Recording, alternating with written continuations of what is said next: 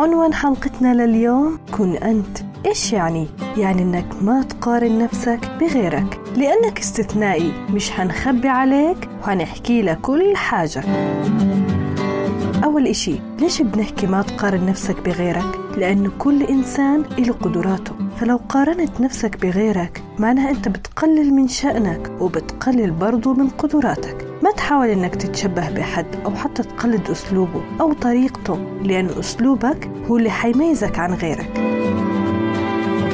تاني إشي حاول تكتشف نقاط القوة اللي ربنا عطاك إياها وطورها عشان تكون مميز عن غيرك. إنت بطموحك وإصرارك وعزيمتك حتحقق المعادلة الصعبة.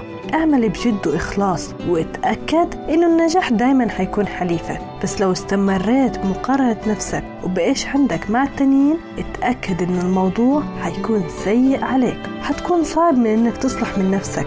خليك واثق إنه كل إنسان بيقدر يبدع بالإشي القليل اللي عنده. عندك مثلا طه حسين كان ضرير إلا أنه صار عميد الأدب العربي عشان تعيش سعيد.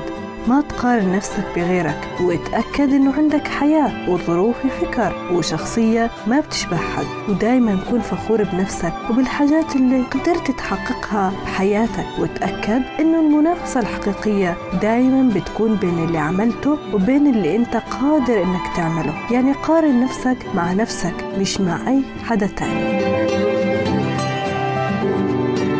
نصيحتي ما تقارن حياتك بحد لأن الشمس ما بتشبه القمر ولكل منهما تألقه. ومع السلامة.